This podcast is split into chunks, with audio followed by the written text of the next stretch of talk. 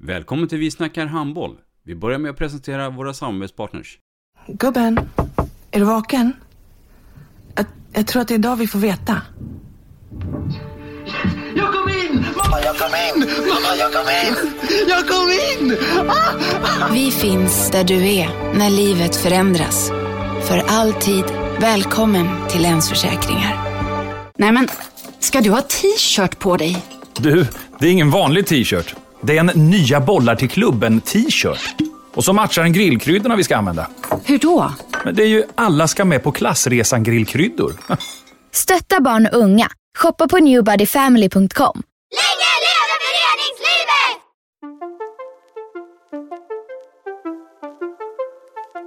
Välkommen säger vi till dig som lyssnar till den bästa handbollspodden. Vi snackar handboll med Robban Z och gäster. Vi snackar handboll, där du får veta alla sanningar som du inte visste att du missat. Vi snackar handboll. Idag i programmet Vi snackar handboll så ska vi prata just handboll och vi ska prata en hel del utbildning och utveckling. Dagens gäst är Lennart Lelle Söderström, Svenska Handbollförbundet. Mycket, mycket varmt välkommen. Tack så hemskt mycket.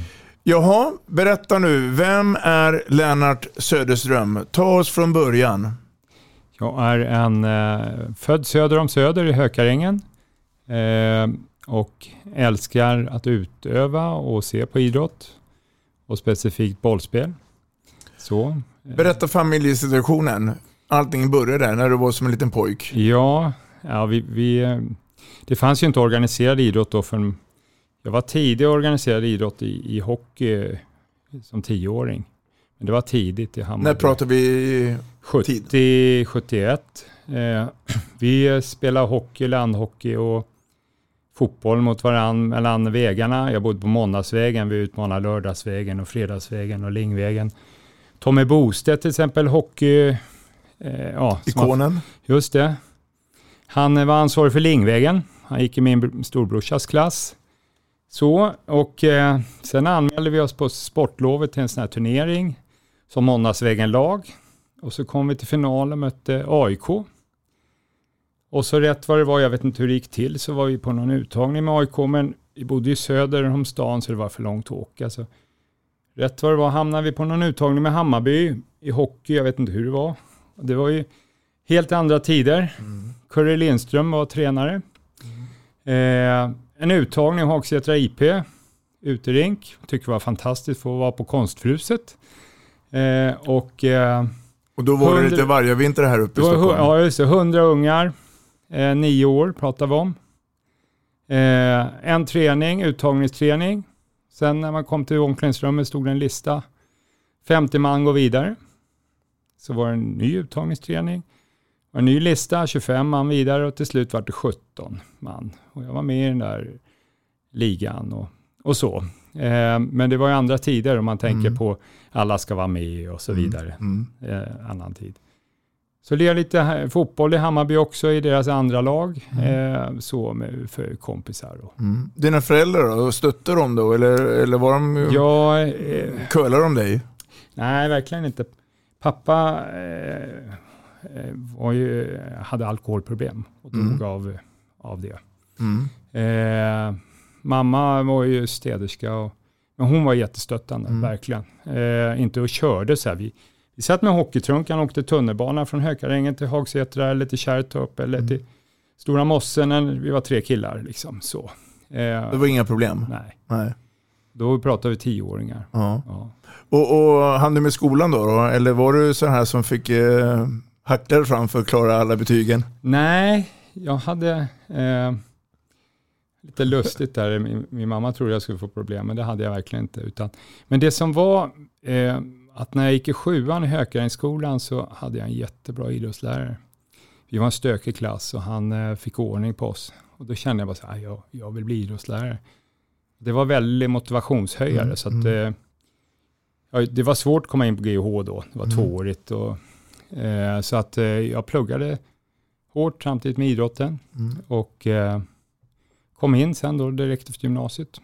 Jag hade bra betyg. Mm. Så. Så det blev en liten dröm där det uppfyllde sig då? Att, Ja, ja, precis. ja. Och hade jätteroliga år på, på på GIH då, Mm. två. Och sen kom jag ut och jobba Mm. eh, som idrottslärare. Det var ju tuff verklighet. Kom man ut i, i ja, södra Jordbro, då, så Mm. kallat problemområde. Fick, fick du välja var du skulle hamna någonstans? Eller? Nej, man sökte tjänster. Mm. Och då, just då när jag kom ut 81, då var det rätt ont om tjänster. Mm. Så att även om det var ett, liksom ett problemområde så var det fem sökande på den tjänsten. Mm. Men jag fick tjänsten och eh, det hade aldrig varit någon idrottslärare som hade start, stannat längre än ett halvår. Men jag var där i fem år. Så. Trivdes sen då? Ja, jag trivdes. Men sen så eh, var jag sugen på, det var låg och mellan, så ville jag upp på hög då. Så. Sen så sökte jag en tjänst på Brandbergsskolan, också problemområde i Haninge. Så kallat problemområde. Mm.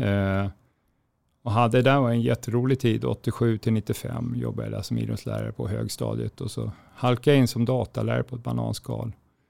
Eh, så på början på 90-talet där började jag lära mig da- data då. då Mm. och Windows och när Mm. Windows kom. Liksom. Sen jobbade jag som, så ville jag utveckla den sidan. Jag har alltid varit utvecklingsorienterad. Så 95 så började jag på Nacka gymnasium som datalärare enbart. Jobbade där fem år som datalärare. Wow. Ja, på Mac. Och så han som anställde mig frågade, kan du Mac? Nej, jag har aldrig suttit med Mac förut.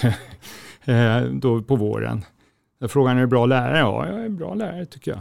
Ja. Eh, och, och så, det var ju blygsamt, eller hur? Eh, nej, men, så jag tog hela sommarloven och lärde mig liksom om Mac och, och så. så, Mm. så att, men det var ju kul. Och det var utvecklande. relativt nytt då på den tiden?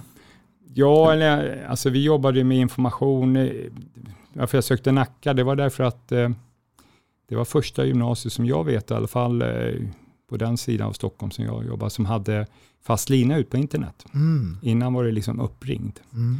Och Haninge fick ju Haninge hemsaffären så att kommunen höll på att gå i konkurs. Så att man, om man ska jobba som datalärare måste man ju byta kommun. Liksom. Det funkar inte. Det var ju ganska stora investeringar. Sådär. Så att, eh, ja, så, så på den vägen blev det, men det, var, det spelade egentligen ingen roll om det var Mac eller PC. Nej. Utan vi jobbade med information, att söka information på nätet, Mm. bearbeta den och presentera den på olika sätt. Och det kan vara layoutprogram, göra en tidningssida eller göra en webbsida eller skriva en eh, forskningsrapport, hur man ställer upp den då, då i Word. Eller hur man gör en enkätundersökning och använder Excels funktioner för databearbetning och sådär. Mm. Att, eh, mm. Och där fick du lite blodad tand.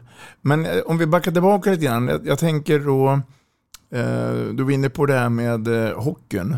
yes. När kommer handbollen in i bilden? Ja, handbollen kommer in eh, i sexan.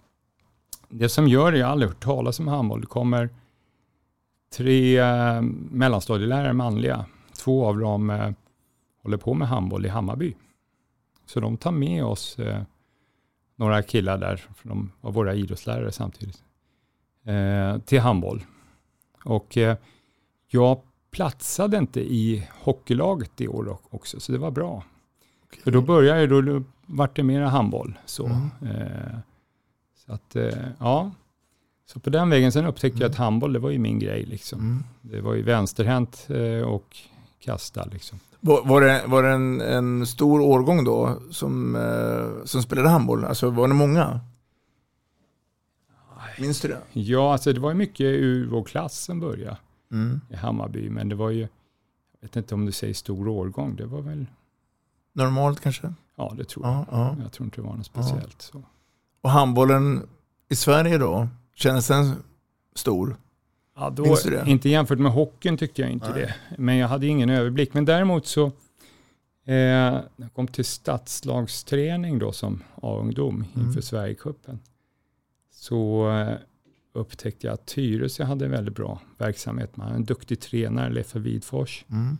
och eh, många bra spelare. Och där hade man förutsättningar. Hammarby har ju bara träna en gång i veckan. Typ, eh, om man fick träna med de äldre så kunde man få två gånger i veckan, men det var så ont om halvtid i Stockholm. Mm.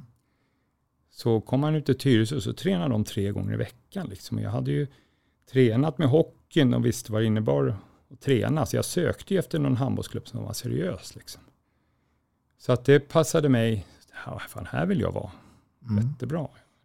Och, eh, så då, och de ville ha mig. Och då pendlar du från bostaden till Tyresö? Ja, just det. Hökarängen? Ja, precis. Mm. Mm. Eh, så att det Med var- Leffe Wiersfors som tränare. Ja, precis. Ofta- Tuffing. Ja, det får man säga. Att han, eh, han var ju väldigt duktig metodiskt. Och Mm. De var ju ett gäng tränare som ändrade svensk handboll där, lite som åk- åkte till Jugoslaviska handbollsskolan Mm. på somrarna. Lars-Erik Sell, Mm. eh, Håkan Drat, Ingmar Eriksson Eriksson. med mera. Mm. Eh, vad heter han i Skövde? Blombeck. Blombeck. Ja.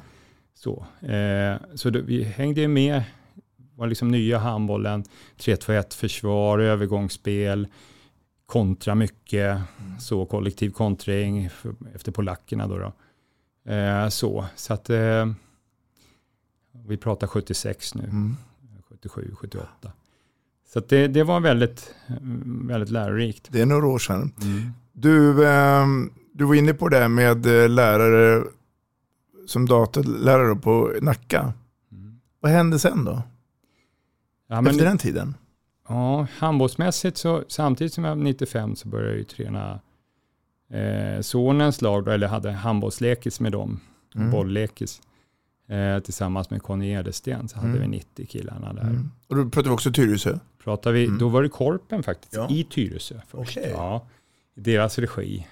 Och sen så sen hamnade vi i Tyresö och så Tyrol så småningom. Eh, och eh, så Tyrols eh, 90 då, jag följde dem fram tills de var 15.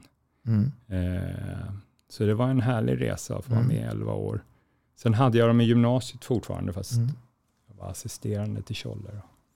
Så. Eh, och eh, ja, sen släppte jag dem och eh, tog AIK i allsvenskan första året, allsvenskan. Och då tänkte jag så här, ja, jag ska nog eh, ska ge en chans. Nu är barnen stora, kan jag ge tränarrollen en chans lite grann. Och körde ett första år, men min tanke var då att jag skulle vara assisterande tränare Mm. för att hitta nivån. Liksom. Jag har varit ungdomstränare nu så många år. Men han hoppade av han som var första tränare så det blev så att jag blev. Du fick kliva in direkt. Ja, precis. Men jag hade egentligen inte riktigt tid för det. Så, Nej. så att, eh, men vi hittade en lösning som var okej. Mm. Eh, så. Och eh, eh, ja, eh, sen hade vi det material vi hade och de resurser vi hade. Så att det, det var kvalet som var dåligt. Annars var det bra att vi klarade oss till att kvala oss kvar. Mm. Det, var, det var en bra prestation, men kvalet var dåligt. Jag vet inte om det är sant, men någon säger att du är Hammarbyare. Alltså du håller på Hammarby. Ja, det stämmer Hur kan man mycket då hamna i AIK ja, ja, den var fin. Jag hade ju, när jag jobbade, då jobbade jag på Tyresö gymnasium med, med handbollsgymnasiet där. Mm. Och eh, det var lite lustigt, då hade vi tre super som var lärare på Tyresö gymnasium. Och de frågade mig precis samma sak. Hur fan kan du träna AIK när du är Hammarbyare? Och så sitter du med en Hammarbymugg här på när vi fikar. Och så tränare AIK. Hur fan går det där ihop? säger jag. Ja, säger jag, det, var, fan, det är bra killar. Det var en bra möjlighet liksom. Jag är inte så, jag är ganska prestigelös på det där. Så, utan Mm. det är mer vilka människor man jobbar med. Så. Men eh, de skrev i alla fall till infoadressen på AIK. Fan, jag tränar, vet ni att tränaren sitter med Hammarby-mugg? och Jepa, Jan-Erik eh, Pettersson, som Ja. var lite Mr. Hammar, eh, AIK handboll då. Han var ju lagledare då kan man säga, Mm. förenklat. Och så han säger bara, Lelle kom här, jag har något viktigt att prata med dig om när vi kommer till träningen. Ja, vad är det nu då Jeppe? Ja, jag har hört, alltså vi har fått reda på att du sitter med en Hammarbymugg. Ja, stämmer bra, säger jag. Ja, här får du fyra AIK-muggar. Ja, har, har du kvar dem? Nej, Nej. De, jag- det där går gränsen. Så jag gav bort till en, ja, han som filmade åt oss som är super aik en kille. Eh, han fick en mugg då, han var ju vart glad. Mm. Och sen så ville jag ta reda på vilka, de, vilka de, av de där det var som hade liksom skrivit infoadressen. Mm. Och då lockade jag dem med att de kunde få en AIK-mugg om de berättade vem det var som hade. Så jag fick fram det och så fick de Ja, varsin härligt. sen. Ja. Jag tänkte, någon måste ju sagt åt dig, eller var det så att du bestämde själv att skola om dig då från att vara spelare till att sen bli tränare? Eh, var det någon som tipsade om att du kanske borde satsa och bli tränare istället för att bli spelare? Hur gick den övergången till då? Det tror jag, nej det var inte, det, så var det inte riktigt. Men det är en bra fråga det. alltså, från att jag var 16 till jag var 27 så Mm. var ju handbollsspelare det viktigaste i livet för mig. Att bli så bra som möjligt i handboll. Det var ju det Mm. liksom. Sen behövde man ju jobba och, och sådär. Mm. Och sen hade jag ju det lite, min filosofi har väl varit att samma med jobbet, om, man, om det ska bli roligare, så, så om man går in för det 100% eller så mycket man orkar, gör det så bra som möjligt, så blir det mycket roligare. Jobbet blir roligare, eh, handbollen blir roligare och så vidare. Så, så att, eh, men vad var frågan? Nu tappar jag bort mig här. Nej, men det var ju övergången där från att, att Ja, du... till tränare. Ja. Nej men, eh, alltså direkt, jag tror att jag hade, på högstadiet där så fick jag liksom ta hand om vårat, eh, eh, vårat eh, skollag. Mm. Jag blev liksom lagledare, spelande lagledare, fixa hur vi skulle åka och skötte allting av gympaläraren. Sen första året i gymnasiet så behövde jag tjäna pengar eftersom vi hade det lite knapert. Eh, så då fick jag möjligheten, det finns något som heter bollspel på den tiden, eh, fritt valt arbete. Så jag blev anställd på min förra skola, hade de som var ett år yngre än mig hade jag i bollspel. De som gick, eh, jag gick i nian då, sjuan, åttan, nian på den skola där jag, då gick jag ettan i gymnasiet. Så så var ju första ledargrejen liksom. Sen så var det också att jag, sen var jag ju ledare samtidigt som jag spelade där. Mm. 16, men, men jag, Funkar den kombinationen bra? Eller kände du att du räckte inte till? ja, tiden räckte väl inte till då när man ska plugga. Men, men däremot så, jag sökte in på GH Mm. har väl alltid, jag har ju alltid gillat utveckling liksom, Mm. utbildning och Mm. så. Jag har brunnit för det, liksom, Mm. att, att känna att livet på något sätt så är det ju att, eh, att hela tiden utvecklas. Det är lite livet på något sätt, känner jag. Eh, Du har ju spelat tillsammans med många spelare. eh, Och du har säkert en hel del goda minnen. Är, är det några spelare som du känner lite extra varmt för? Som betydde mycket för dig under de här tiden när du var i, bland annat i Tyresö? Tyresö var det väl egentligen hela laget eh, som var sextegänget som var ett, ett Mm. eh, jättehärligt lag. Och eh, eh, så. Eh, och verksamheten där, eh, jag kan inte ta på någon, alltså de som betydde väldigt mycket för föreningen var ju egentligen Jan Almqvist, Mm. eh, Leffe Widfors. Leffe Widfors var lite ideologen. Mm. Anna Almqvist var Mm. administratören, organ, där, ja. organisatören, men han var duktig tränare också. Mm. Och sen hade du Janne Westlund som, som hade ett företag och var den som pumpade in pengar. Liksom. Mm. De tre var ju liksom Tyresö tillsammans då. Mm. Så att man är ju tacksam mot dem att man har fått möjligheterna genom Mm. Tyresö, om man säger så. Eh, det måste jag ju säga. Eh, men annars var så många bra människor där. Så att, eh, En av många kommer här. Du ska nämligen få en hälsning Lelle. okej. Från en person som jag tror att du gillar skarpt. Lyssna här. Ja, hej Lelle. En stor hälsning till dig. Speciellt en sån här dag när Sveriges U18-killar har vunnit eh, silver i Europamästerskapen. Eh, vi är goda vänner du och sedan många år. Vi har spelat handboll tillsammans och haft eh, både framgångar och motgångar. Och jag måste väl erkänna att du var bättre än mig och du kom ju till elitserien sedan med, med Hellas och så vidare.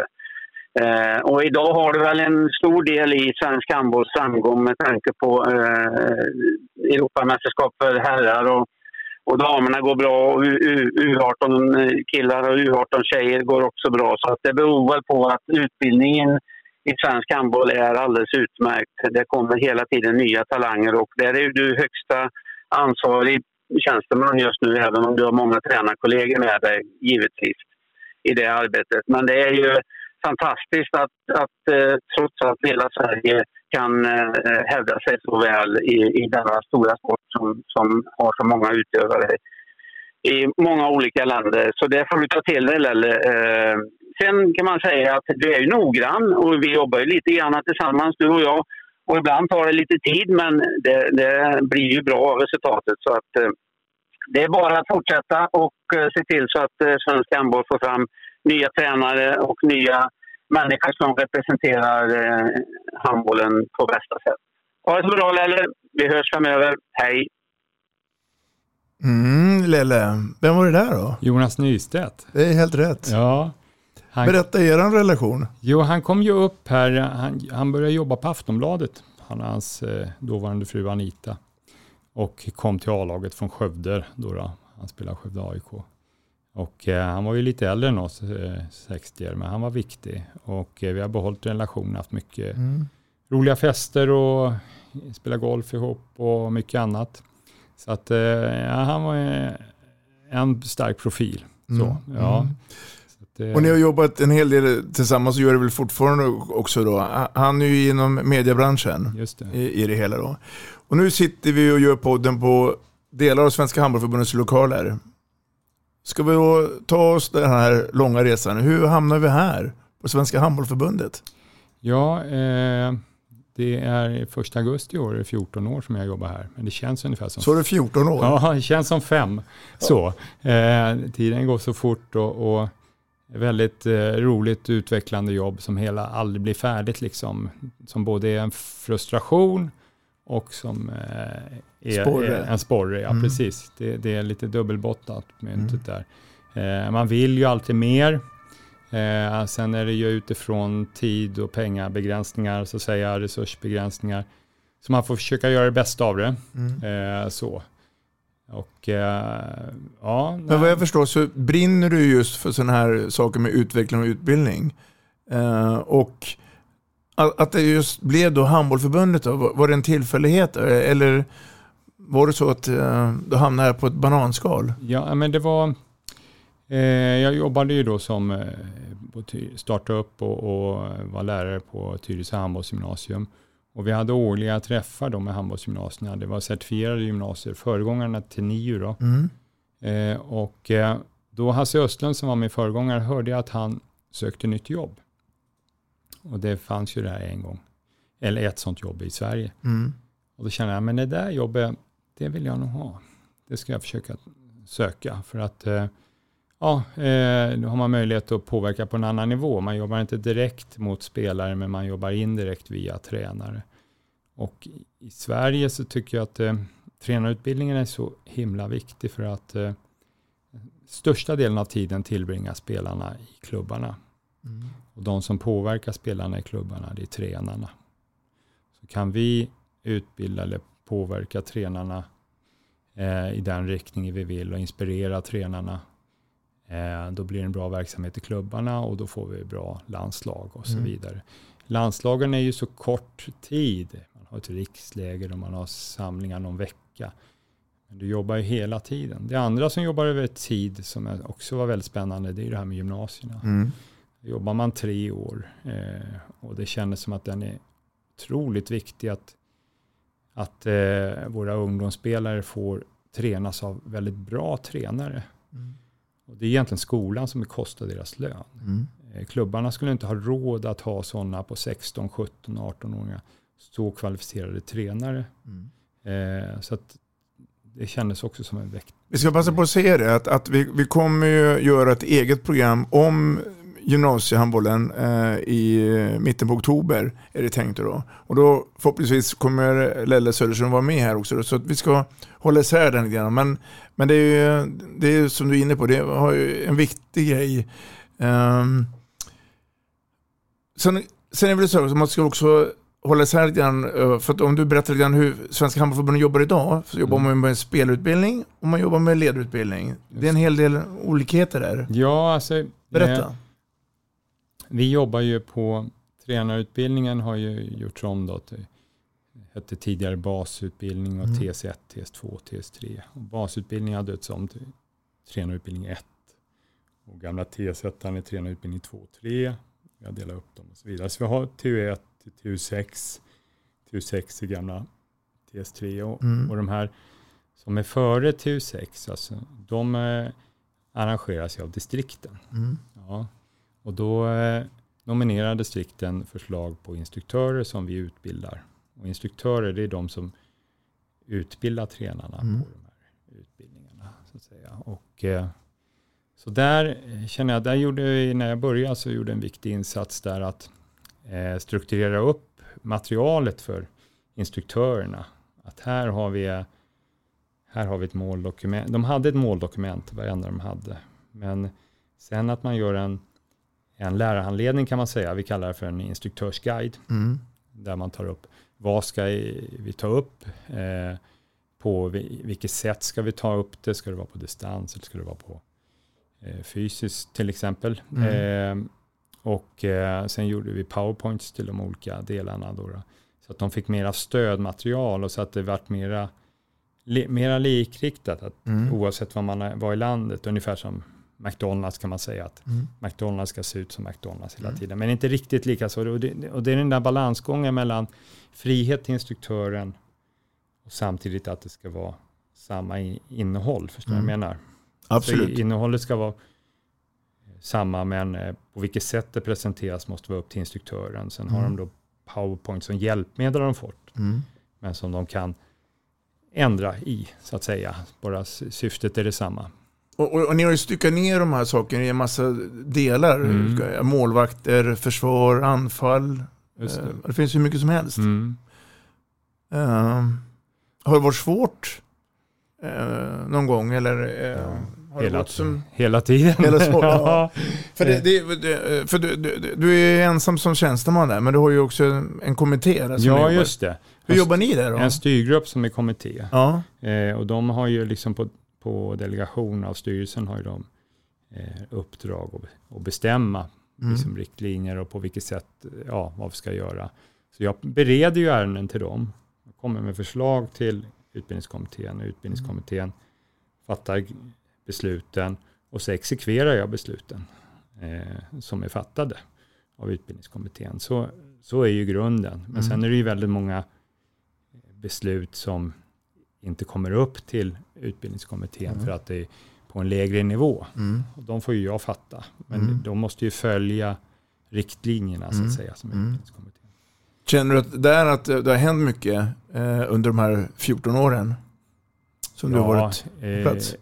Ja, ja, precis. Men som, lite som Jonas säger, man får jobba med tålamod. Mm. Så, eh, han vill ju mycket mer, men tid och, och pe- pengar, resurser är ju begränsade Mm. som sagt var. Så Mm. att, eh, utan man får göra det bästa av det. Mm. Så, eh, och, eh, Men är det som Jonas säger att det är din förtjänst att eh, det går så bra nu för svenskt landslag? Nej, det är det inte. Men alltså, har vi min lilla pusselbit i, i det stora pusslet, så är det. Jag, jag känner att eh, över tid, eftersom jag jobbar över tid, så att ha fått en bra struktur på gymnasierna har varit jätteviktigt. Fått en bra struktur på vår tränarutbildning.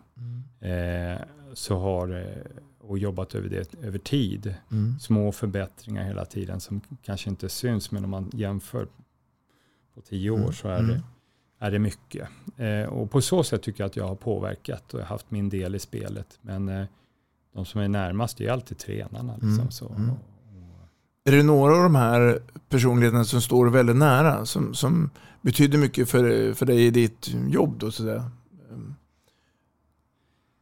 Ja, alltså det är ju... Du har nämnt all- Tjolle Ström. Ja.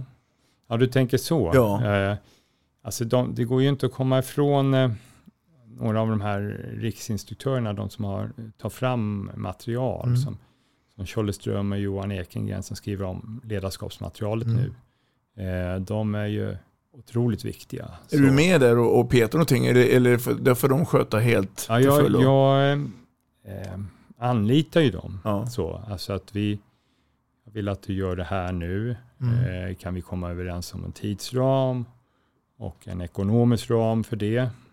Vi har inte som fotbollen som har anställda instruktörer som, Nej. som, där det ingår. Att, utan det är en, en förhandling på varje grej, Grej, ja. en arvodesförhandling.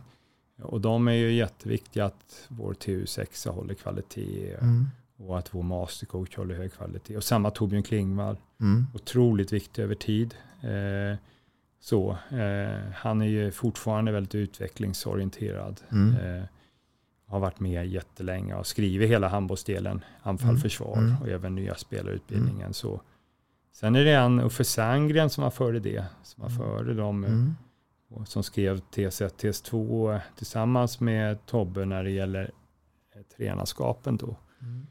Han var ju och skrev hela basutbildningen första där. Eh, Gillar du att jobba med den här mixen då? Med, med både lite rutinerade instruktörer och eh, coming man, alltså nya? Ja, absolut. Och det, det är kul. Vi har ju flera unga tränare Mm. som är på väg nu, verkligen. Eh, Nämn några du. Ja, och där har du ju Östlund, Jesper? ja, Jesper Östlund, ursprung Skånela och så har du Tony Johansson Mm. Med Helsingborg nu. Mm. Han, han hade ju jag från Mm. att han var bollekis Mm. 5 tills han Mm. var Mm. 16 hade han i gymnasiet. Eh, och sen har du ju eh, Mattias Ekstrand i, i, i Karlskrona. Mm. Eh, I viss mån också Pontus Ward Wiklund. Pontus ja, Mm. glömde jag bort. Mm. Det finns flera. Mm. Och eh, så har du Malin eh, Mm. Andersson som Mm. är i Norge nu som går sin egen väg. Mm. Född 90. Mm. Eh, har verkligen fått kämpa och, och, och eh, drivit sin väg. Jag hoppas att det kommer fler tjejer där. Mm. Vi Är tittar, det svårt att, att, att, få det så? Alltså att, Ja, alltså vi, vi eh, i och med det system vi har, det ekonomiska system vi har, så är det ju så att eh, ofta är det så att utbildning kostar ju lite grann och klubbarna betalar den Mm. utbildningen. Och det är inte alltid kommande tjejer, att klubbarna betalar för kommande tjejer. Så. Eh, för, förrän de har varit ledare ett tag. Mm. Är med? Mm. Eh, och det blir ju lite moment 22. Mm. Eh, och där har vi försökt göra med, vi har ju haft några drivar, det var 2015 vi tog eh, för detta elitseriespelare och landslagsspelare och betalade deras kurs och hade en drive. Och det hade vi förra året också. Eh, och vi kommer ha en sån i år också för Mm. att komma runt det här problemet lite grann. Vi vill ju få tjejföredömen på Mm. Eh, det vore, och vi har några på gång. Liksom. Eh, Jenny Linnell, en sån. Mm. Hon, är hon är ju åt många håll. Mm. Är väldigt, eh, och eh, Johanna Wiberg. Eh, så att, eh, jag hoppas att Mm. vi snart får vår första damförbundskapten. Kan, kan det vara så då att du, att du eller om, om det är nu din- roll eller någon annan, att ni, ni, ni går på de här eh, etablerade spelarna också som är på väg att kanske lämna sin karriär och frågar du, skulle du inte kunna tänka dig att sadla om här? Eh, Så funkar det så att du skulle kunna ringa till Belle Guldén och säga jag hörde att du slutar nu nästa säsong. Kan du vara med i ett projekt här? Det, det är nog snarare så att vi, vi, ja det så skulle det kunna vara i och för sig, men jag har ingen relation till Bella. Men, eh, I sådana fall är det snarare att man kanske vänder sig till elitklubbarna. Ja, och få tips. Och, och få tips om Mm. vilka är på gång. Eh, Det skulle också kunna vara så att den som är mera knuten som förbundskapten för damerna då Mm. till exempel, som, som ser sådana som håller på, Mm. att den tar den första connectionen. Men i samband med det här så behöver vi också söka projektpengar då eh, från styrelsen liksom för att kunna ha en sån här. Man kan inte bara säga att så, Nej. jag har inte den penningpåsen, utan, utan då, då söker man projektpengar och därav är det lite längre process. Eh, så- Pratar vi ett år före då? Eller? Ja, precis. Mm. Ungefär. Mm. Men nu har den förändrats den processen så att den, eh, eh, att söka projektpengar kan man göra oftare. Mm. Det är bra.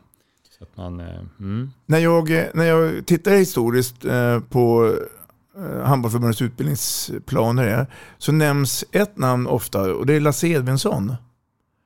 Eh, vad har du för relation med honom idag? ja, det är en fantastisk man. Eh, alltså, det är ju ett, ett eh, levande exempel på utveckling skulle jag vilja säga. Han, jag vet inte exakt om han är 86 år eller 84 nu. Men han är mer utvecklingsorienterad än många 30-åringar. Mm. Man säger så fortfarande trots att han är 80. Har du någon gång 80. frågat honom, vad, vad, vad har du i driv någonstans Lasse? Ja, och att han fortfarande liksom, eh, ja just det här att han är så utvecklingsorienterad Mm. trots allt. Och har en fantastisk, han är, som mötesordförande är han fantastisk. Mm. Man har ett möte. Han ser till att alla eh, blir delaktiga. Mm. Och han, eh, han får ihop det tidsmässigt liksom. Tänk man, hur fan ska han hinna med allt det här? Han får ihop det ändå alla, alla känner sig nöjda liksom. Och sedda. Nej, han är en grym person. Mm. Eh, ett levande föredöme för Ja, det, det, var synd. ja, det är en förmån att få känna. Mm, mm. Absolut. Jag tänkte på en annan grej också. Du, du var inne på det här med distrikt och regioner och det. Ehm, och du är tjänsteman. Dina närmaste medspelare då, så, så borde det ju finnas utbildningsledare i de olika regionerna och distrikten. Ja, och Hur där- viktiga är de för dig? De är jätteviktiga och det, därav den här distriktsförändringen som gjordes för drygt ett år sedan, Mm. första maj. Så var den jätteviktig, speciellt för tränarutbildning och spelarutbildning. För att tidigare var vi 13 distrikt och eh, det var många distrikt som inte hade någon anställd alls. Eller så hade de någon anställd som bara jobbade med tävling och domare. Mm. Ingenting med utbildning. Och det gjorde ju att instruktörerna på tränarutbildningen där fick liksom boka övningstrupp, boka hallar, boka... De fick liksom inte fokusera på det de skulle, på hur ska jag lära ut det här, vad har jag för instruktörsmaterial, utan de fick även ta det organisatoriska. Men i och med att vi har fått nu fem distrikt så har vi i fyra av distrikten i alla fall en, en utbildningskonsulent som jobbar med spelar och tränarutbildning Mm. och som kan organisera och administrera upp det här. Liksom att, eh, som tar fram Robban, eh, nu ska jag ha en TU3-utbildning här. Vill du vara instruktör på Mm. anfallsspel? Mm. Vill du vara instruktör på försvarsspel? Och vi har de här arvodena. Eh, så det har eh, känner jag är jätteviktigt. I och för sig har det blivit en liten, det blir alltid när man gör en övergång att det, det blir en broms för det är mycket organisatoriskt Mm. här första året. Men jag tror att det där på sikt kommer det Lösa jätte- sig. Mm. Ja, en jätteviktig u- utveckling för speciellt spelare och tränarutbildning som sagt. Mm. Så instruktörerna får hålla på med det som de ska hålla på med. Hur lär jag ut handboll? Hur lär jag ut ledarskap? Hur lär jag ut träningslära? Och så vidare. Och, och, ja, och lokaler och allt är bokat liksom. Mm. När du började på Handbollförbundet för 14 år sedan så var det en typ av handboll som utfördes. Idag, 2022, så är det ju en helt annan. Ja. Det går fortare, Ja. snabbare, tekniskt det. Vad är det mest som har fascinerat dig under den här tiden? Så, vad är det som har fått eh, dig att tycka, wow, vad, vad snabbt det här har gått? Den här utvecklingen. Ja, och, och det är ju lite... Du förstår frågan? Ja, jag förstår frågan. Eh, om man ser handbollstekniskt, Mm. pratar om nu, så är det ju, det som man ser att, eh, då när jag började var det väldigt mycket så här att man stötte och säkra. Till exempel om trean lyfte och så fintan och nio meter och gick över på andra trean, då växlar man. Går man ner, första trean går ner och den andra trean upp. Mm. Och eh, det gav ju inte utrymme för så snabba spelare, utan det var viktigt att göra det var stor. Eh, men man nyttjade den här, eh, när man lämnade över, att spela in då, var mycket liksom samarbeten som var. Eh, nu jobbar man ju mera, lyfter man så följer man med spelaren. Mm. Eh, I varje fall över en zon, över Mm. närmsta gubben. Ibland inte över nästa gubbe, men närmsta gubben i alla fall. Och det har ju gjort att de här snabba spelarna får större, man, det är bra att jobba över större ytor. Mm. Eh, och då har till exempel studsen kommit tillbaka. Mm. Han studsade ju aldrig förut. Mm. Och, eh, så att eh, snabba små spelare har fått mera utrymme Mm. tack vare det här. Eh, det blir intressant att se vad det blir i framtiden. Det Mm. förändras hela tiden. Och, och de här reglerna nu med snabbare avkast Mm. och allting. Så det, nej, det, det är spännande. En, en, eh, regel nu som förändras, det är ju passivitetsvarningar. Från Mm. sex passningar till fyra. Det kommer ju gå förmodligen snabbare här och, och gäller att vara lite eh, idérik. För, eh, den tror jag personligen kommer vara vara den stora skillnaden mot tidigare. Eh, Ja. Men sen den här avkastcirkeln också som kommer nog göra att man, eh, tror jag, att man, när de spelar sju, att det blir mindre 7 mot 6 Mm. spel. Mm. Eh, för att det det blir sån risk. Spelar man 5-1 mot 7 mot 6 och så har, mål, har den gjort mål och så bara den som spelar etta i försvar uppe i avkastcirkeln hur fort som helst. Mm. Målvakten slänger mål- bollen till han, de hinner inte byta målvakt. Mm. Tror jag eh, att det kommer bli. Men det, det vet man inte. Eh, men men eh, det tror jag. Sen så tycker jag att det är synd lite grann det här, om man pratar regler, och det är ju personligt. Så, här. Eh, Det man rätt så, att göra så, ja, så fort man spelar, man har en utvisad, så spelar man sex mot sex, ta ut målvakten. Mm. Då får man hålla på med de här lulle, liksom två, tre kantväxlar och lite så här platsbyten utan att göra någon attack alls. Mm. Men skulle man inte ha bytt ut målvakten och spela 5 mot 6, då skulle man inte få det i 10 sekunder. Nej. Varför ändrar man det? Varför kan man inte ha, det lönar sig liksom inte att vara en man mer. Eh, Man tillåter liksom, ja de får spela bort 30 sekunder på lull-lull. Eh, det gillar inte jag. Har du fått någon förklaring? Nej. Nej. Nej. Men jag lite- tror, jag tror om, om vi ändå vill, vi vill få snabbare spel och mera Mm. så, då, då tror jag att den är viktig. Mm. Inte bara det här fyra passiva. Så. Frågan är när, när räcker man upp handen? Mm. Ett motto som jag vet har funnits med på handbollförbundet är att vi ska vara i världsklass. Eh, eller något liknande. Ja. Ehm, är vi i världsklass idag? När det gäller utbildning? Eh, det, det, det är en vision att vara i världsklass. Mm. Men eh, som de TU6-utbildning som vi hade nu i somras. Första veckan i mastercoach tycker jag också att vi var i världsklass. Mm. Eh, Topphandbollssymposium som vi hade senast hade, var vi i världsklass. Eh, och jag tror att, att vi kommer vara i världsklass på det topphandbollssymposium som kommer nu i januari också. Men vi är inte i världsklass hela tiden utan det är en vision, det är något vi strävar emot och som vi måste vara på tå. Eh, vi är inte i världsklass när det gäller allt material. Eh, mycket beroende på att man har olika resurser. Norge har liksom tre gånger vår budget. Mm. Danmark har någonstans dubbelt.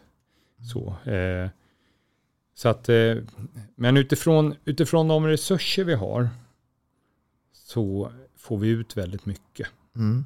Alltså, det, det kan man ju se där som att vi är i final med, trots att vi har en mycket mindre budget än Norge till exempel. Eh, och över tid har Norge alltid haft så mycket mer i budget. Va? Så vi gör eh, mycket bra av de, de resurser vi har. Jag håller helt med dig. Ehm, att hämta inspiration då, kan, kan, kan det vara eh, att dra nytta av exempel hur, hur jobbar Danmark, hur jobbar Norge, hur jobbar Island? Eh, eller känner du att vi gör vårt race och de får göra sitt race? Nej, verkligen inte. Och där är det jättebra. Vi har ju haft det över hela tiden när jag har jobbat då. Mm. I september varje år så har vi eh, ett möte där eh, den som är ansvarig för spelarutbildning och tränarutbildning träffas. Norge, Danmark, Sverige, skandinaviskt Mm. möte. Och där har vi fått väldigt mycket inspiration från Danmark framför allt. Jag vet det här eh, eh, där vi försöker få plan att från minihandboll att gå till fem mot fem Mm. utspelare och sen Mm. på mindre plan. Du har det här med handboll fitness. Mm. Eh, så, så Danmark har varit lite ledande där. Eh, och Norge, ja men vi, vi eh, lär av varann. Vi Mm. var ju först med minihandbollen Mm, i Sverige. Eh, och där är ju också något som jag hoppas att vi på sikt kan ändra, att minihandbollen blir Norge och Danmark tog ju efter oss, men de kom lite senare och då märkte de att fan, det är bättre att spela med tre utspelare istället för fyra. Eh, för att pass, det blir mer passningar istället för att man bara så här, hystar som de kallar det, alltså man Mm. nästan lä- lägger över bollen till den andra för det är så nära. Mm. Eh, så där tycker jag, hoppas jag att vi går över till tre mot tre anfall. Men det är en process, allt det här är en process. Vi måste, tävling, domare, utbildning måste vara överens. Eh, så. Eh, men vi lär oss verkligen av varandra. Och till exempel på topphandbollssymposium som kommer nu i januari så har vi en norsk tränare som har skrivit norska försvarsskolan, deras försvarstränare, Mm. tränarutbildning för försvarsspel. Han är, kommer vara där. Vi har en dansk tränare, han som är mest känd talangutvecklare i Danmark. Mm. Som kommer från Skjern och har jobbat på förbundet. Och sen så förhoppningsvis, eh, det är en, det är inte hundra klart, men förhoppningsvis så är det mm, Ortega som tränar Barcelona, tog Champions League-guld för herrar, Mm. att han kommer då. Eh, så att vi har jättemycket att lära. Och, och ett- jag tänkte vi skulle komma till det lite längre fram då, men, men eh, då är det alla möjliga som blir inbjudna att få vara med på det symposiumet. Ja, Mm. det är helt öppet. Jag, jag, jag tänkte, eh, vi var inne på det här med eh, samarbete med och kolla hur Danmark, eh, Norge och viss mån också över Island. eh, Och sen har vi ju eh, våra, våra vänner i Finland. Men övriga Europa då? Och jag, framförallt tänker jag nere i gamla Jugoslavien är det. Mm. Hur, hur har de stannat och trampat vatten? Vi, vi, eh, det känns som att, eh, nej men det vet jag inte. Det är svårt att säga. Det känns som Frankrike och, Dan och eh, Frankrike, Danmark, Spanien Mm. eh, är de som man framförallt bör titta på. Mm. Vi har ju varit och besökt franska elithandbollsgymnasier med en delegation eh, för något år sedan här. Och eh, Spanien eh, försöker vi ta intryck av. Eh, så. Eh, så att, eh, och Danmark har vi ju. Nej, men så, att, så att de tre, Kroatien eh, och Balkan är ju alltid speciella. Mm. Men just nu så känns det som att det är de andra tre som är, är ledande. Mm. Det, Och Ryssland får vi glömma just nu. Tack vare ja, ja, precis. precis. Ja. Ja. Du, eh, vi tar ett helt annat eh, spår.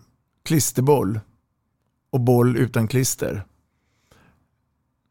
Utbildning, utveckling. Vad tycker du om i den här frågan då? Ja, det var, jag har inte funderat så mycket på den faktiskt. Alltså, Får du göra det nu då? ja, grundidén att spela en boll utan klister för att komma åt alla hallar. Det är ju egentligen det är ju jättebra om man kan få det. Problemet är ju att, eh, att bollen ska ju funka även efter tre träningar eller tre matcher. Eh, och, och få det att fungera. Och, och där har inte jag sett att de har fått det att fungera än. Eh, men jag tycker att det är jättebra att man jobbar på att försöka utveckla det. Mm. För över tid är det helt säkert rätt. Eh, att man inte behöver liksom hålla på med klister för att kunna hålla i en boll. Eh, så, för det, det Du, ska... du kan ju inte ha någon klistervakter som står där. Nej, eller, du får inte ta för mycket nu på Nej. fingrarna. Nej, men jag tänker så här, alltså, det, är ju, det är ju stora städkostnader såklart. Mm. Och det är kommuner, det är hallar vi inte kommer in i därför att här, vi tar den här hallen bara till innebandy eller sådär. Eh, och då är det ju klart att det är bra om man kan, om man kan eh, vara utan klister. Men samtidigt så behöver du ju kunna skruva och du behöver kunna så att jobba med produktutveckling och testa produktutveckling. Eh, men man, behöver inte, man ska ju inte testa det kanske på landslagsverksamhet Ja, först. eller, ett mästerskap. Nej, Nej. utan man kan ju göra det liksom i, i mindre skala, Mm. i inte så allvarliga situationer om man säger Nej. så. Då. När, när, när det kommer olika sådana projekt, alltså man ska testa den här säsongen, exempelvis då nu så var det det här med eh, man skjuter i ansiktet på målvakten. Mm. Så var det ju då här i Sverige, då var det på test då. Eh, gillar du sånt när, när, IOF, då, Inter- internationella handbollsförbundet, går ut och, och låter några av länderna försöka vara någon form av pilotprojekt? Ja, det, det är väl vettigt att man inte inför en ny regel bara sådär Nej. över hela, utan generellt att man provar först pilotmässigt. Och det gör ju vi också internt, alltså på olika grejer. Det behöver Mm. inte vara regler, utan det kan vara ett avtal till exempel som vi håller på med nu med Riksgymnasiet i, i Göteborg, att hitta ett avtal vem som äger träningsbelastningen på spelaren, klubb kontra gymnasium. Så att inte spelaren hamnar emellan och blir eh, söndertränad på, på samma kvalitet. Mm. Eh, man ju, vi behöver ju träna mycket för att kunna hålla internationellt, så är det ju. Eh, eller bli bra, men, men det måste ju vara en planering. Så man inte tränar liksom eh, anaerob träning på morgonen och samma sak på kvällen och sen på morgonen dagen efter. Då blir det liksom helkört. Mm. Eh, däremot om man tränar styrka på morgonen, och handboll på kvällen och så kanske uthållighet på då, alltså du har en plan för det här Mm. och då måste ju någon äga helhetsbelastningen. Svajar det idag tycker du? Ja, på vissa ställen. Mm. Eh, eller det, är på de ställen där det är många där det är många klubbar som jobbar Mm. mot ett gymnasium. Mm. Vi pratar Stockholm, vi pratar Göteborg och vi pratar eh, Lund. Ja. Eh, de andra ställena är ofta en klubb, stor klubb, Mm. och där funkar det bra. Stockholm har hittat en lösning eh, på frivillig väg, jättebra. Så där är man redan på väg. Eh, och nu har, har vi, vi på väg att göra den lösningen i Göteborg. Så. Mm. Och så ska vi titta på den lösningen, att vi gör det i form av avtal, så att Mm. säga, skrivna avtal. Så, där gör vi ett pro- pilotprojekt ett år. ser hur det faller ut. Eh, men hela syftet är ju liksom, det ska vara bra för individen. Är det bra för individen så är det bra för skolan och det är bra för klubben Mm. överlag. Så att man inte kan, ja. Mm. Så, det blir, så, så, så där jobbar vi på. Du, du var inne på det lite tidigare här, att um, utbildning är en ständig utveckling. Mm. Um, om vi nu skulle sitta här om ett par år, vad, vad, vad tror du har hänt under den tiden och fram till då? Med utbildning tänker Ja. du? Ja. Jag tänker, det- jag tänker på material. Ja, jag tänker digitaliseringen går ju vidare. Ja. Jag skulle kunna tänka mig att man kan träna spelförståelse, ungefär som att ha ett videogame idag. Mm. Eh, så kommer du som, vi kan ta som mittnia, så kommer du så har, har du två treor mot dig och en mittsexa där. Och så ser du det i, i vad heter sådana här glasögon man har på sig? Ja, eh, Eh, ja, ja, vad sa du? VR-glasögon, precis. Och så, så tittar man då, så sen så, så eh, kollar man, ja, jag provar, jag fintar och går dit och så spelar jag in och så märker man, nej, fan, det var fel. Jag, jag gjorde fel val. mm. Och sen så, så man kan träna virtuellt med VR-glasögon. Mm. Det tror jag kan vara en framtid. Mm. Eh, speciellt för spelförståelse. För spelförståelse handlar ju mycket om, först måste man ju förstå alltså, i hand, tanken, vad, vad är det jag bör göra? Men det går ju ganska fort. Mm. Det som tar tid, det är ju liksom att sen se det här finstilt, alltså perceptionsförmågan. Eh, det blir ju en reaktionsträning för ögonen. Okej, han stöter på mig tillräckligt mycket för att det är lucka för att spela in. Och för varje nivå blir den där, blir den där uh, tidsmarginalen och djupma, ytmarginalen blir mindre för varje Mm. nivå. Mm. Du kommer upp om du är handbollsligan eller allsvenskan eller division 1 så att säga. Eh, och eh, så, så där kan man nog träna tror jag, Mm. spelförståelse Mm. mycket. Eh, det det Mm. tror jag Mm. kan vara en framtid. Det andra tror jag att man kommer gå tillbaka. I Sverige har vi ju, vi har ju mycket dela upp övningar liksom i, i delar. Och så by, vi bryter ner i delar och så bygger vi upp i helhet igen. Eh, Jag tror att vi kommer jobba mera med spelövningar, eh, även på barn. Alltså, man kan ha brytt ner i spelövningar. Tre mot tre här, en kantsexa, en mittnia, en vänsternia. De tre mot tre spelar mot två försvar, Försvarare, eller tre ja. mot Ja. försvar eller så. Eh, och så ger man lite hintar, men att de, att, så, så att eh, det blir mer spelövningar där man fryser spel och sådär för att få spelförståelsen blir mer och mer viktig tror jag. Mm. Mm. Eh, speciellt i Sverige. Vi bygger ju mycket på vår... Eh, vi har ju inte så stor befolkning. Eh, om man jämför då med Frankrike till exempel. Om vi ska vara med och konkurrera så är det ju laget och det är spelförståelsen. Mm. Eh, tar man individuella individu- individer, ta han Mem till exempel Mm. och ta alla i franska landslaget. De är ju typ stjärnor i sina klubblag. Eh, men det är inte alla svenskar som är i vårt landslag. Ändå lyckas vi slå Mm. Liksom. Och det har ju med spelförståelse att göra och det har med lagbygge att göra. Så, så Helt det, rätt. Och det, det får ju vara vår melodi liksom. Sen har vi tagit till oss, som vi gjorde sen jag började, väldigt mycket att vi skulle, och Tobbe Klingvalls förtjänst, individuell anfallsteknik, vi måste bli bättre på den. Och det har vi blivit. Mm. Eh, men men eh, våra vassaste är ju inte lika vassa som en, vassaste fransmännen till exempel, Mm. på individnivå. Så. Eh, men Ett, a- ett annat eh, projekt som jag vet att ni jobbar oerhört mycket med, det är ju målvakterna. Mm. Eh, och där är det också vad jag förstår relativt nytt program som händer med Thomas Forsberg. Ja, vi har ju gjort precis som vi gjorde med spelarutbildning 2.0. Mm. Så eh, gick vi ut och frågade eh, svenskar som jobbar internationellt, jättebra målvakter, Thomas Svensson, Mats Olsson och så Mattias Andersson med mera. Och frågade liksom vad är, det, vad är det som vi ska lära våra unga målvakter och vad är det viktigaste att de kan och så vidare. Och på vilket sätt och så Mm. vidare. Och det, det här håller Thomas Forsberg på och sammanställer. Och han har sammanställt och han har det i form av filmklipp och en egen powerpoint som han använder på utbildning. Mm. Eh, och det håller vi på att eh, implementera nu i hela eh, tränarutbildningen för målvakter. Men just nu är det implementerat på steg tre och steg fyra. Mm. Men vi håller på att utbilda instruktörer så ska komma in på steg ett och steg två. Mm. Och vi gjorde en motsvarande grej. Thomas Forsberg och eh, Jan Ekman gjorde ju ett jättebra material runt 2014 var det väl. Första? Ja. Eller, ja. Och det var ju videobaserat och Mm. väldigt strukturerat. De gjorde ett jättebra jobb. Mm. Och det är ju egentligen, det ligger fortfarande som grunden, utan det är uppdatering av det. Det är liksom ingen revolution, det andra är inte helt borta, utan det är, det är en förfining och förbättring.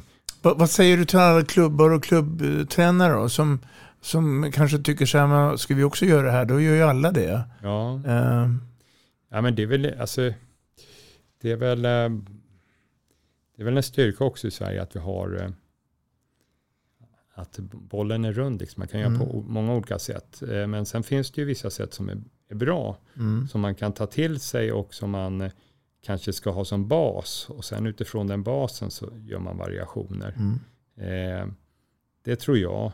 Men sen, sen är ju, det är ju den eviga frågan där hur, när det gäller, om vi pratar att skapa material, så kan man ju skapa ett väldigt fint material.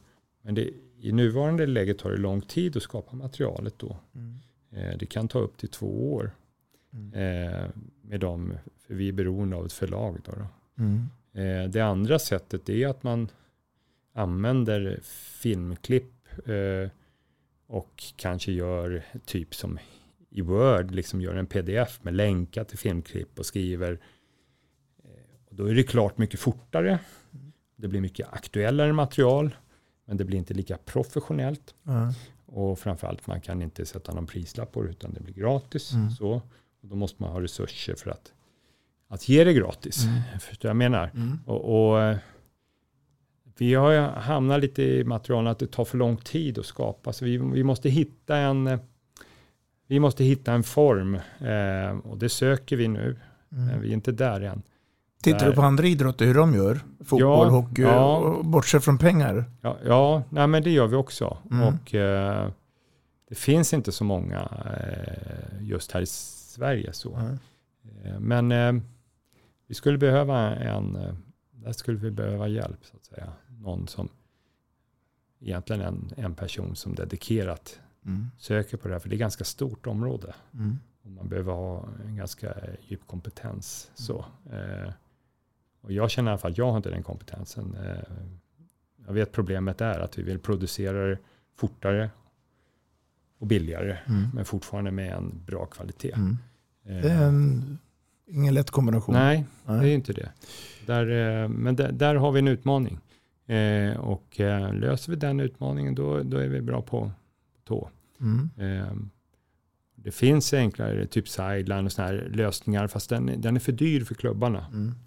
Mm. Eh, så. Än så länge. Ja, än så länge. Mm. Mm. Men alltså om vi pratar om att eh, flickor 10 år, Mm. tränande flickor 10 år ska kunna ha det här Mm. och så vidare. Det är inte för dyr lösning för herrtränaren i allsvenskan eller så. Men, men det är en för dyr lösning för, För ja, ungdomsverksamheten. som det ser ut nu. Mm. Men eh, ja, eh, där finns det en po- utvecklingspotential. Ja. Du, jag tänkte runda av här och eh, vi går in då i en ny säsong. Just. 22-23. Ja. Januari så är det ett VM. Och sen har vi då 11 månader kvar till att vi rundar av 2023. När du planerar utbildningsaktiviteter det, Mm. du var inne på det förut, så ligger man ju god tid före. Mm. Hur ser 2023 år så utbildning och verksamhet ut? Alltså, har vi något spännande projekt? Eh, vi har egentligen Berätta gärna lite mer om topphandbollen här som är i januari. Ja, ja precis. Det, det är mycket som inte är planerat än därför att vi ska ha i nästa vecka så har vi ett utbildningskommittémöte där vi tittar på eh, nästa år. Mm. Eh, att göra en verksamhetsplan för det och bu- budget, söka budgetmedel för det. Då, då. Men det Eh, finns, det finns i alla fall en önskelista. Ja, det finns ju alltså det finns ju mycket som är fast, men topphandbollssymposium kommer i januari. Och nu här under hösten har vi mycket instruktörsutbildningar. Mm. Eh, att de ska uppdateras på nya, ja, som vi har gjort om i materialen och så vidare.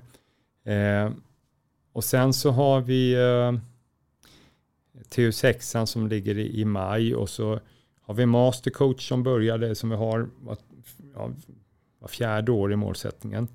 Eh, och den, det är tre veckor kan man säga. Första veckan var nu i, i juni och det, andra veckan kommer bli i samband med topphandbollssymposiet i januari mm. och så sista veckan i juni nästa år i samband med norska topphandbollssymposiet. Och sen har vi, men på våren är det en del, det är målvaktstränarutbildningar mm. och det är TU6, eh, men exakt när de ska ligga och så vidare, det är, det är en, och så ska, blir det ungdomstränarsymposier som vi satsar på för att eh, få ut spelarutbildningsmaterial. Och, och helst vill man lägga de här utan att störa den ordinarie verksamheten. Jag tänker på ja, serier. Alltså... Och där är också en sån, sån där grej som, som eh, ligger på min önskelista. Mm. Och det är ju till exempel eh, de som jobbar med barn. Alltså barn definierar vi upp till 12 år, alltså U11. Mm. Där finns det ju inget USM eller mm. något sånt där. Där vore det jättebra om man kunde i distrikten ha alltså upp till lagen upp till U11 och kanske U12 också. Att man har en, eh, en helg som är fri under hösten och en helg som är fri under våren som är utbildningshelg. Så att det inte konkurrerar med matcherna. Mm. Och där kan man lägga in då tränarutbildning 1, 2, 3. Så, på de helgerna. Mm.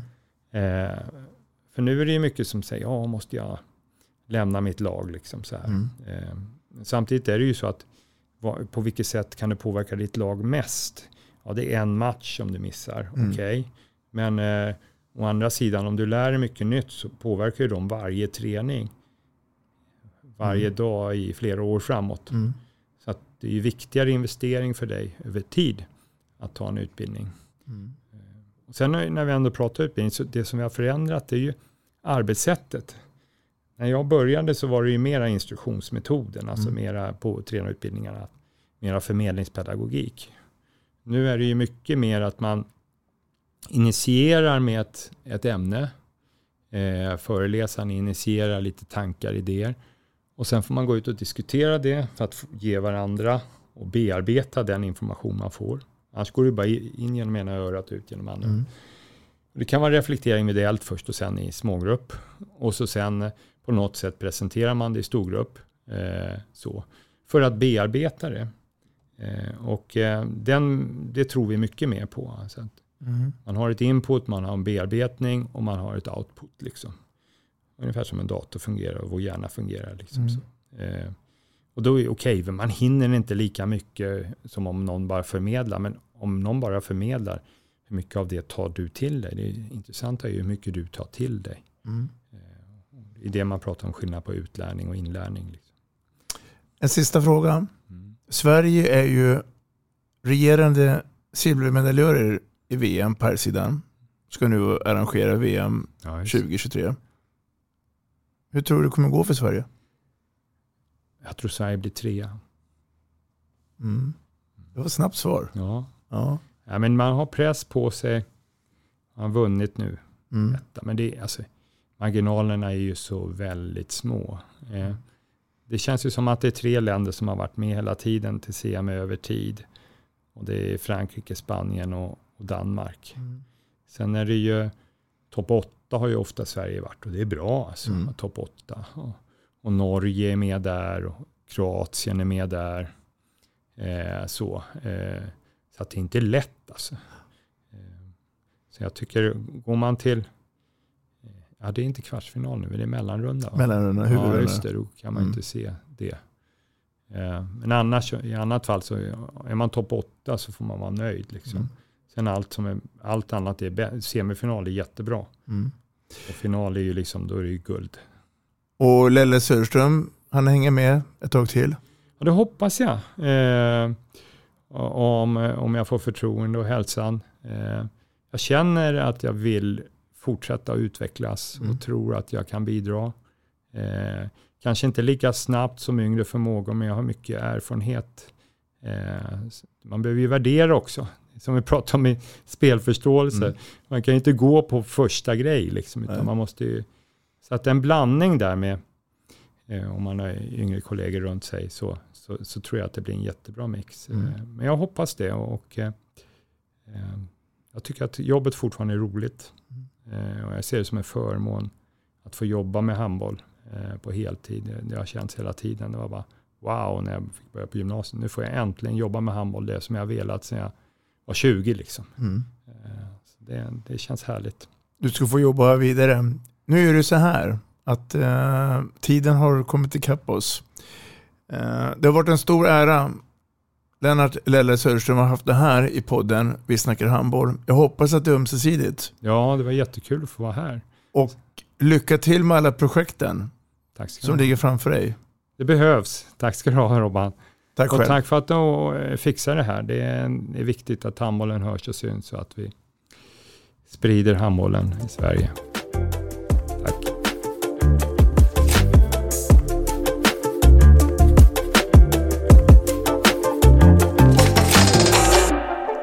Vi snackar handboll, där du får veta alla sanningar som du inte visste att du missat. Vi snackar handboll. Vi snackar handboll produceras av produktionsbolaget High On Experience, från vision till passion. Ett avslutande tack till våra samarbetspartners. Hallå! Kommer ni eller? Ja, ja. Har du sett mina ankelsockar? De här? Nej, nej, jag menar skridskoslip till juniorlaget Ankelsockarna. Ja, men kolla bredvid träningsläger med handbollstjejerna-t-shirtarna. Stötta barn och unga. Shoppa på newbodyfamily.com. Länge leve föreningslivet! Gubben, är du vaken? Jag, jag tror att det är idag vi får veta. Jag kom in! Mamma, jag kom in! Mamma, jag kom in! Jag kom in! Ah! Vi finns där du är när livet förändras. För alltid välkommen till Länsförsäkringar.